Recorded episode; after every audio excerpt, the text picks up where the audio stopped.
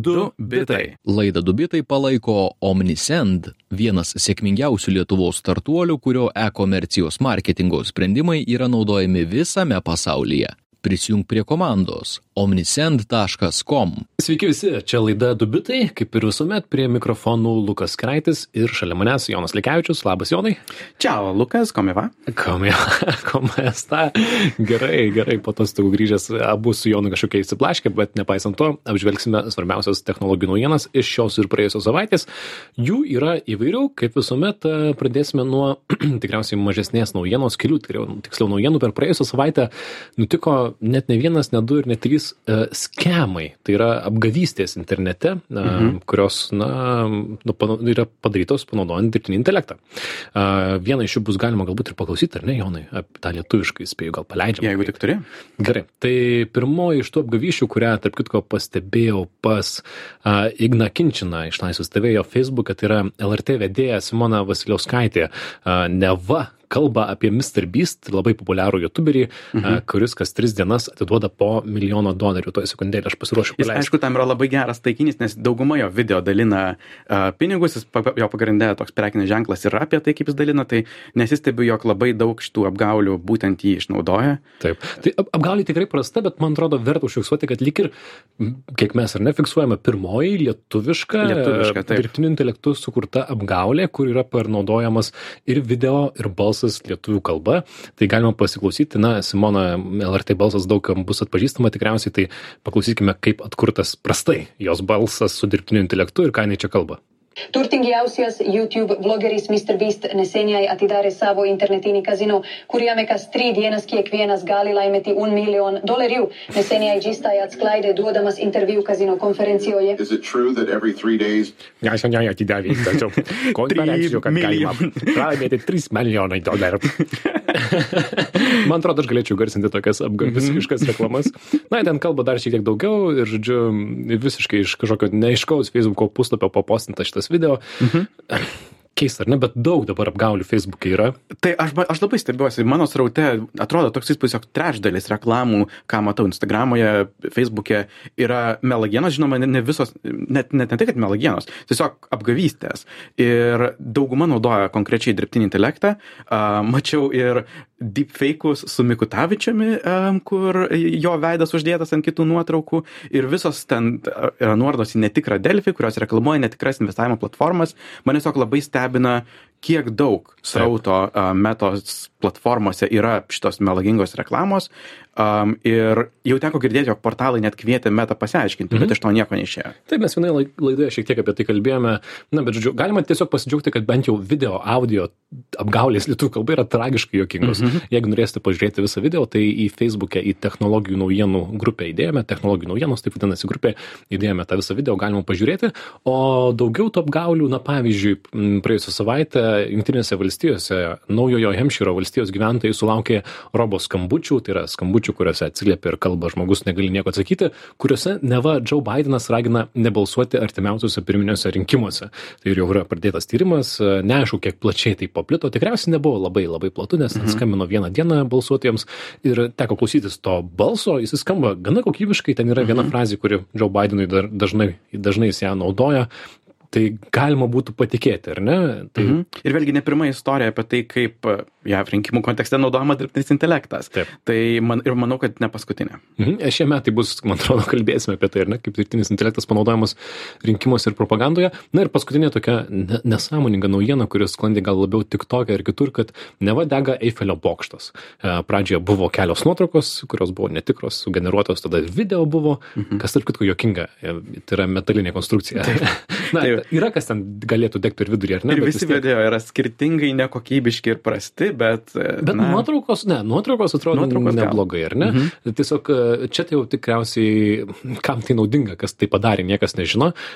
Tikėtina, kad kažkas tiesiog sugalvojo, paleido tokią antį, norėjo, nežinau, gal laikų parinkti, gal pasėti um, kažkokį nerimą ar dar kažką, bet tikrai žmonės socialiniuose mhm. tinkluose klausinėjo, ei, ei, tikrai kažkas nutiko, netgi tik tokį reikėlė video, kaip jie pro langą balkonę Paryžiuje atsidaro ir filmuoja. Ne, viskas gerai Eifelio bokštui. Mhm. Tad tokiais laikais gyvename, ką darysim. Tai va tiek apie apgaulės internete su dirbtiniu intelektu, o praėjusią savaitę mes dar kalbėjome apie gaputukus. Tai yra čia GPT paleista GPT's parduotuvė, GPT trumpiniai. Tai kas, kam įdomu, paklausykite praėjusios laidos, mums po jos parašė dar Edvardas, jis sako, yra, yra sukūręs lietuvių kalbos skirybos ekspertą GPT, kurį gali išbandyti tie, kas turi mokamą dėją čia GPT versiją. Išbandžiau ir aš, visai, visai įdomu, pataiso skirybą ir paaiškina taisyklę, kaip tai padarė, pavyzdžiui, kodėl sudėjo e, kablelius. Tai mhm. moksleiviams tikrai naudinga ir mes praėjusioje laidoje kažkaip nepaminėjome, kad iš tikrųjų yra ir daugiau lietuviškų gaputukų, jie geresni ar prastesni, kas norės išbandys savo Facebook'e, šiek tiek apie tai klausinėjau žmonių, kas ką naudoja. E, tarp kitko įdomu, kad Edvardas paminėjo, kad e, jau sukūręs į senokai ir pradžioje jis veikia daug geriau negu veikia dabar mhm. ir palengva jisai prastėja ir, žodžiu, tinginiauja. Kas yra įdomu, nes praėjusių metų pabaigoje buvo apie tai nemažai straipsnių, kad įtariama, kad čia GPT botai, na, tinginiauja kas nuo karto. Čia nauja tendencija ir mano teorija, kodėl um, bendrai čia GPT darosi toksai tinginesnis ir, ir uh, mažiau stengiasi, mažiau pastangų įdeda į savo atsakymus, yra, jog anksčiau mes skundėmės apie tai, jog jisai net į trumpą klausimą prašo keturių paragrafų uh, esė apie visą pasaulį mhm. ir manau tą atgalinį ryšį išgirdo OpenAI ir tikrai davė pastangų, jog jeigu gali atsakyti trumpiau, tai atsakyk trumpiau. Uh, tačiau labai nesunkiai tas gali išsiversti ir į, į kit, balansą kitoje pusėje, kur vėlgi čia GPT tada supranta, ai, tai man nereikia labai stengtis, galiu tiesiog atsakyti vieną ar du sakinius ir to užteks. tai rasti šitą balansą tarp e, persistengimo ir nedarimo pakankamai bus e, visai sudėtinga OpenAI. Mhm. Tikrai nelengvas iššūkis. Galėtų jie būti atviresni tiesiog, ką daro, ne? nes žmonės tiesiog pastebi karts nuo karto, kad, ei, prasčiau atsako atsakymus šitoje mhm. temoje ir panašiai. Na, bet žodžiu, kas norės išbandyti lietuvišką gaputuką, jis vadinasi lietuvių kalbos skirybos ekspertas. Bus galima susirasti ir panaudoti. O šiandien viena pagrindinių temų tikriausiai ir ginčas, tikėtina, laukia mūsų su Jonu. Debatų klubas. Debatų klubas. Žodžiu, yra tokia, ne tokia gal ir svarbi mums naujiena, bet jinai iššaukia nemažą temą, su kuria norim pasiginčyti tai yra apie elektrinius paspirtukus ir e, jungtinėse valstijose bankrutuoja e, shared mobility, angliškai vadinamas e, startuolė, na, įmonė, gigantas pavadinimu Bird, tai yra dalinimosi paspirtukais platforma, praėjusiais metais patyrė daugiau nei pusantro milijardo dolerių nuostolį, tad, žodžiu, finansiškai sudėtingai jai sekėsi, nors buvo laikas prieš porą metų, kai tai buvo įvertinta 2,5 milijardo dolerių šitą kompaniją, veikia 400, 400 miestų, tarp kitko ir Europoje, ir Izraelyje, ir dar kažkur, bet jau šį rudenį turėjo vos 10 milijonų apyvartinių pinigų ir tai yra tiesiog tema, yra ir daugiau startų, start, nestartuolininkų, paspirtukininkų, paspirtukių mhm. kompanijų, kuriuoms sekasi sunkiai. Ant klaustupo kabo Micromobility, Tire and Spin ir nemažai jų grėsia finansinės na, griūtys ir panašus dalykai kaltinama yra pirmiausia kovidas kuris neleido jiems gerai įsivažiuoti kadangi dauguma tų startukų startukų paspirtukų startavo septynioliktais Mhm. penkioliktais aštuonioliktais metais ir dabar jau baigėsi tie vadinamieji pigūs pinigai Taip, iš kitos pusės e, jų tiesiog prisikūrė labai labai daug. E, Manau, vėlgi tam, tam tikrose rinkose, pavyzdžiui, Lime yra labai sėkmingas ir, ir finansiškai jo, jo rodikliai yra puikus, e, bet vėlgi turbūt nereikia šioje industrijoje penkiolikos tą pačią darančių įmonių. Taip, Lime, Lime tikrai kompanija dabar yra laimėtai, tarp kitko ir Vilniuje, ar ne? Dabar lieka tik tai vienintelė iš anksčiau buvusių trijų kompanijų, kurie paspirtukus atšildys jau visai greitai, dabar Aha. sausis, dar, dar ir šalta, bet e, pavasarį apie tai bus kalbama daugiau. Šiaip ar taip, mie, paspirtukai miestuose, ar reikėtų leisti jas, jais dalinančias programėlės, a, apie tai diskusija tikrai yra veikianti ne vienerius metus. A, Yra teigiančių, kad reikėtų atsisakyti paspirtukų dalinimosi platformų miestuose iš viso. Aš esu tikriausiai šitiem žmonėm pritarantis. ir Wow, čia ir mūsų ginčas. atsisakyti. Taip, iš viso atsisakyti. Aš manau, kad tai reikėtų nurašyti nesėkmingam eksperimentui. Aš buvau visiškai apsidžiaugęs, kai jos pristatė Vilniuje tikriausiai 19 metais. Išbandžiau pirmas pats, važiuoju automobiliu, troleibusu ir viskuo ir naudojusiu paspirtukais, bet su laiku supranti, kad puiku tuo naudotis kaip naudotojui, tai yra man patinka su jais važiuoti, jeigu kažkur vėluoju ir panašiai, bet labai nepatinka būti kaip vairuotoju arba kaip pėsčiuoju, kai aplink tave laksto ir, ir panašus dalykai vyksta. Mhm. Tavo Tai- tai, tai- jonai argumentai? Tai, tai mano nuomonė, šiaip tiesą sakant, yra priešinga. Aš mačiau, tu padarai apklausą, klausai Taip. žmonių. Tai uh, aš atstovauju mažumos nuomonę, bet ne tokios mažos mažumos. Tai kai tu klausai, ar, ar bendrai miestuose paspirtukai patinka, 60 65 procentai pasakė, jog nepatinka, 35 procentai pasako, jog patinka. Tai aš tą trečdalį atstovauju. Taip, čia Am, reikia paminėti, kad technologijų, Facebooko grupėje technologijų naujienos vyko šitą apklausą. Nemažai 230 balsavusių, taip kad Taip. reprezentatyvų beveik. Bakalauro darbui užtektų. tai um, mano bendras po požiūris, žinai, visose to- tokiose problemose yra, uh, matant, jog kažkas yra blogai, uh, pirmiausia galvoti, kaip pagerinti, o ne visiškai uždrausti, nes kai jau kažkokią technologiją uždraudi, tu kaip ir apriboji save nuo naujo žinojimo, naujo atradimo, jog, hmm, o jeigu mes sumažiname greitį, o jeigu mes, pavyzdžiui, nežinau, dedam desnės baudas, jeigu važiuoja dvies arba viršė greitį ar dar kažką tokio, tai toks, um, aš labai atsargiai žiūriu į draudimus, todėl, jog tai apriboja nuo tobulėjimo tiesiog. Bet bendrai net ir dabartinėme kontekste, man atrodo, jog jie parodė, jog žmo- žmonės to nori ir žmonės tą, tą ima, tą nuomojasi, sėkmingesnis dalykas negu, nežinau, pavyzdžiui, oranžiniai dalinimosi dviračiai, kurie irgi egzistuoja, um, tačiau akivaizdžiai neturėjo tokio, tokios dalies komercinės sėkmės, aš nežinau dėl kokių tikslių priežasčių, uh, kaip paspirtukai dalinimosi. Ir vadinasi, žmonės to nori ir galbūt reikia spręsti. Žmonės to nori, ar ne? E, Be abejo, Jonai, tu liberalių pažiūrų visą, visą pagarbą tau, bet na, aš čia labiau žiūrėčiau į Concordo atvejį, ar ne, kur Concordas irgi atrodė gerai idėja, labai greitai skristi tarp, ir, ir greitai nuskristi, bet tai buvo atsisakyta, nebuvo uždrausta. Mes jau mhm. atsisakėme tos idėjos kaip prastos, kadangi garsas, kadangi neekologiška, kadangi finansiškai neapsimoka ir man atrodo, kad ypatingai dabar, kai yra taip ribojami tie paspirtukai, kadangi dabar jau yra greitis nuribotas iki tokio absoliučiai, na, tokio mėmiško greičio, ten 5 km per valandą, kur galėjai peit greičiau, reikia parkuoti tam tikrose vietose. Reik, reikia atsiminti, kad juos naudojame vis tiek tam tikrą amžiaus grupė, jaunesni žmonės. Tikrai vyresni jų net nesėda, nes nukritus ten tikrai būtų pavojinga. Tarp kitko, visos nelaimės, visi žūtys ir panašiai, tai susižalojimai ir mirtys, kurios buvo ir pavasarį, jeigu, na, ne- ne- neduok taip vėl nutiks, vėl štai iškils diskusija, man atrodo, kad jau miestams būtų laikas nurašinėti šitą eksperimentą. Tarp kitko, Paryžius taip ir padarė, čia tokia kaip įdomybė, praeitais metais pavasarį vyko referendumas miestiečių, referendumas, pirmą kartą tai girdžiu tokio klausimu. E, Tiesa, balsavo vos 5 procentai balsų teisę turinčių žmonių ir daugiau vyresnio amžiaus, tai kritikuojamas pats referendumas, bet mhm. žmonės, paryžiečiai, uh, uždraudė paspirtukus jų nuomą uh, Paryžioje. Taip, aš paskutiniais mėnesiais dar kai tai buvo leidžiama, buvau Paryžiuje, žiauriai smagiai pasivažinėjau po plačias gatves, kur nėra mašinų, vien tik dviračiai ir paspirtukai, tai buvo beprotiškai smagu ir aš tiesiog liūdėjau, jog nieks kitas vėliau nepasidžiaugs tuo Ai. fantastišku malonumu. O vėlgi, aš, aš man atrodo, kad tai yra tikrai toks geras dalykas, galvojant apie pagrindinį, manau, tikslą, kuris turėtų būti mažiau automobilių, mažiau mašinų, mažiau parkingo vietų miesto centruose. Galiu pritarti, galiu sutikti su Puiku. tikslu. Taip. Ir, ir vadinasi, tą reikia tikrai spręsti daugeliu skirtingų priemonių. A, Aišku, gerinant viešai transportą, galvojant, kaip apskritai, a, ką dar galima privesti, dviračių takų bendrą kiekį gerinimo. Ir jeigu mes matome, jog paspirtukai turi tam tikrų problemų, jog pavyzdžiui, aš manau, didžioji dalis avarijų ir susižalojimų būna susijęs su didesniais greičiais.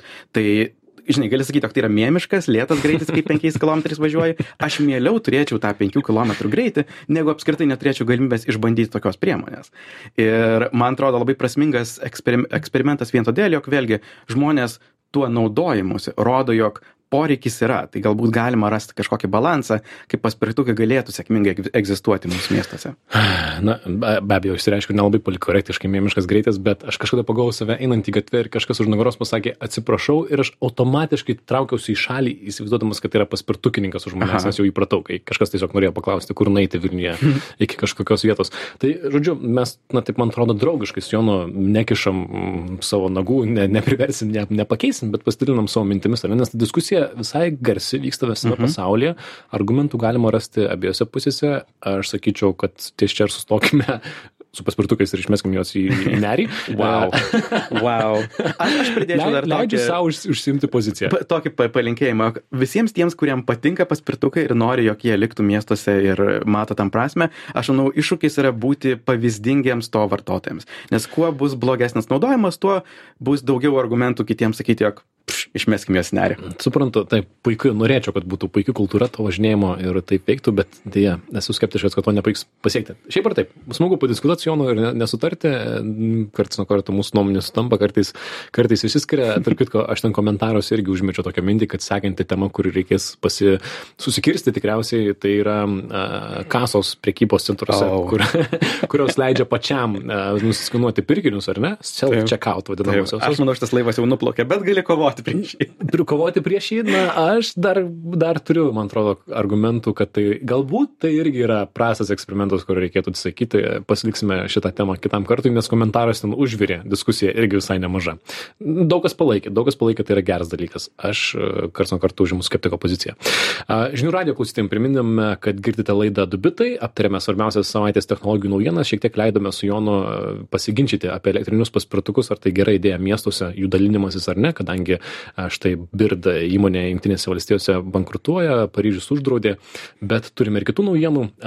Tai be abejo Apple Vision Pro yra ta tema, kuri vis sugrįžta į mūsų akiratį ir jinai dabar sugrįžta ta proga, kadangi jau galima užsakyti Apple mhm. Vision Pro akinius, bei Apple paleido tokį 10 minučių video, kuriame pademonstravo, kaip atrodys naudojimasis tais akiniais bendrai buvo banga tokių naujienų naujienų susijusių su tuo jog jau galima jas užsakinėti. Tai buvo daugiau žurnalistų dar kartą išbandė su platesne informacijos pasidalinimu kokia ten to patirtis. A, turime daugiau informacijos iš analitikų ir daug filmukų iš apple. Tiek apie mhm. naudojimo patirtį tiek kaip kaip gamina. Koks tai, gražus video kaip gamina ar ne? Labai gražus, labai gražus. A, apie patį šitų a, pirminių pardavimų, tai uh, Apple gamybos analitiko Ming Chikua, kuris šiaip standartiškai yra geriausias šaltinis apie Apple gamybos linijas, tai Apple buvo padaręs tik 80 tūkstančių vienetų pirmai bangai, uh, bet per pirmą savaitgalį, savaitgalį pardavė 160 tūkstančių, tai yra dvigubai daugiau negu buvo pasidarę ir todėl pristatymo terminai jau dabar yra kovo gale. Uh, gali būti, jog ir toliau nusitęs ir mano spėjimas tikrai pildosi jog šiais metais įsigyti apple vision pro bus labai sunku nepaisant didelės kainos nes panašu jog tiesiog na gamybos tempai neatitinka poreikio mhm. ir kad užfiksuotume visgi nusipirkti galima vis dar tiktai jungtinėse valstijose mhm. trys su puse tūkstančio dolerių tik jungtinėse valstijose labai brangus ir apple uždėjo visus įmanomus apribojimus kaip tik dar labiau pasunkinti tą procesą. Pavyzdžiui, jeigu nori turėti vaizdą koreguojančių tų lešių, tu privalai pateikti e, šviežią daktaro optikos raštelį. Negali tiesiog suvesti savo e, optikos parametrų, kaip būna standartiškai, kaip ir technika. Mhm. Čia, man atrodo, ne visiems bus aišku, reikėtų paminėti, kad su šitais sakiniais Apple Vision Pro, kas yra tokie, na, tikrai unikalūs konkurentų neturintys sakiniai, tai reikės, norint juos atitaikyti tavo regai, reikės užsukti į Apple saloną, mhm. ar ne? Ir tau kas bus matuojamas tik tai akis, rega ar veidas. Ir matuojami du dalykai. Pirmiausia, prieš užsakant tu su iPhone, nu, ir žinoma, tu turi iPhone, pirkdamas Apple Vision Pro, taip, taip. turi nusiskinuoti savo veidą, tam akis nustatyti tavo veido formą. Wow. Ir yra gal 20 skirtingų tų tokių formų uh, užmontuoti Vision Pro ant veidų. Bulvės forma. Taip. ir tada kitas dalykas yra tie optiniai įdeklai virš, virš ekranėlių, kurie veikia kaip akiniai. Tai juos gamina Zeiss ir jiems vėlgi norint gauti, tu privalai nueiti į optiką, gauti šviežią daktaro išrašą, negali tiesiog suvesti savo skaičiukų. Tačiau mhm. Apple labai smarkiai apsunkina visą įsigijimo procesą, turbūt todėl jo gali, todėl jog žino, jog na šiaip ar taip neišparduos. Ir čia tas momentas, kad ne visi tikriausiai supranta, kad jeigu draugas nusipirks akinius, mhm. juos užsidėjęs neturėsi pilnos patirties. Jie yra tau pritaikyti būtent tavo akims. Tuos optinius įteklus gali išsiimti, nes jie yra magnetiniai, tačiau ta veido forma, kur 20 skirtingų, taip, tai jie yra visiškai pritaikyta ir, e, na, taip, Tikrai. kiekvienas Vision Pro yra unikaliai kiekvienam žmogui. Primena tuos naikintuvų e, pilotų šalmus, ar ne, kurie yra iš tikrųjų, tiesą pasakius, patėviai šitų akinių, ar ne, mm -hmm. kurie yra pritaikomi specialiai pilotams. Na gerai, ką mes dar sužinojome? Dar apie pardavimo procesą yra du įdomus dalykai. Pirmiausia, kai uh, nusipirksi juos ir, ir jau pasiimsi iš salono, tai kaip suprantu privalėsi prasidėti pusvalandį su apple darbuotoju kuris tau parodys kaip tai veikia. Tai vėlgi aš nežinau kokią kitą techniką perkant tu turi demo taip sakant pergyventi.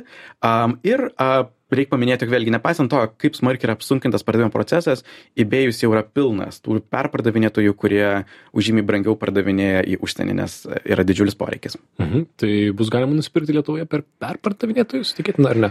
Galbūt, galbūt, galbūt e, iššūkiai. Galbūt reikės skristi į Ameriką ir mm. parsivežti, ar ne? Irgi. Taip. Šiaip ar taip, tame video, kuris, kurį šiaip paprašiau pažiūrėti negu paaiškinti, bet e, mes jums paaiškinsime, jis yra pristatomasis, ką bus galima nuveikti su Apple Vision akiniais.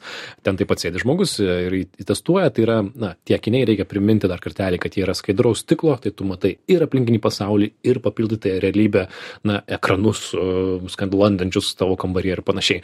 Viskas taip ir galima tikėtis, atsidarai, matai Apple ikonas, rodoma Safari, Apple Music, fotos ir panašiai, su karūnėle valdai, uh, kanu, šiek tiek taip pat valdai ir su rankų judesiais, mhm. pirštų judesiais. Tapšnodamais pirštukais. Taip, kas atrodo visai smagiai.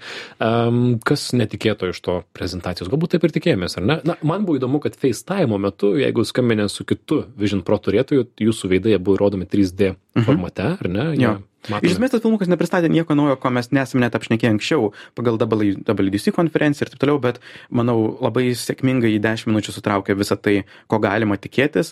Um, manau, turbūt verta pabrėžti tai, jog, tarkim, fitnesas yra absoliučiai net neegzistuojanti kategorija, um, tai yra visiškai nėra tam programų ir Apple to nekiek nepabrėžia, todėl jog pagrindinis a, komentaras iš žurnalistų, kurie yra bandę, tai yra, tai yra sunkus sakiniai. Mhm. Um, net jau po 15 minučių pradedi jausti tą jų svorį.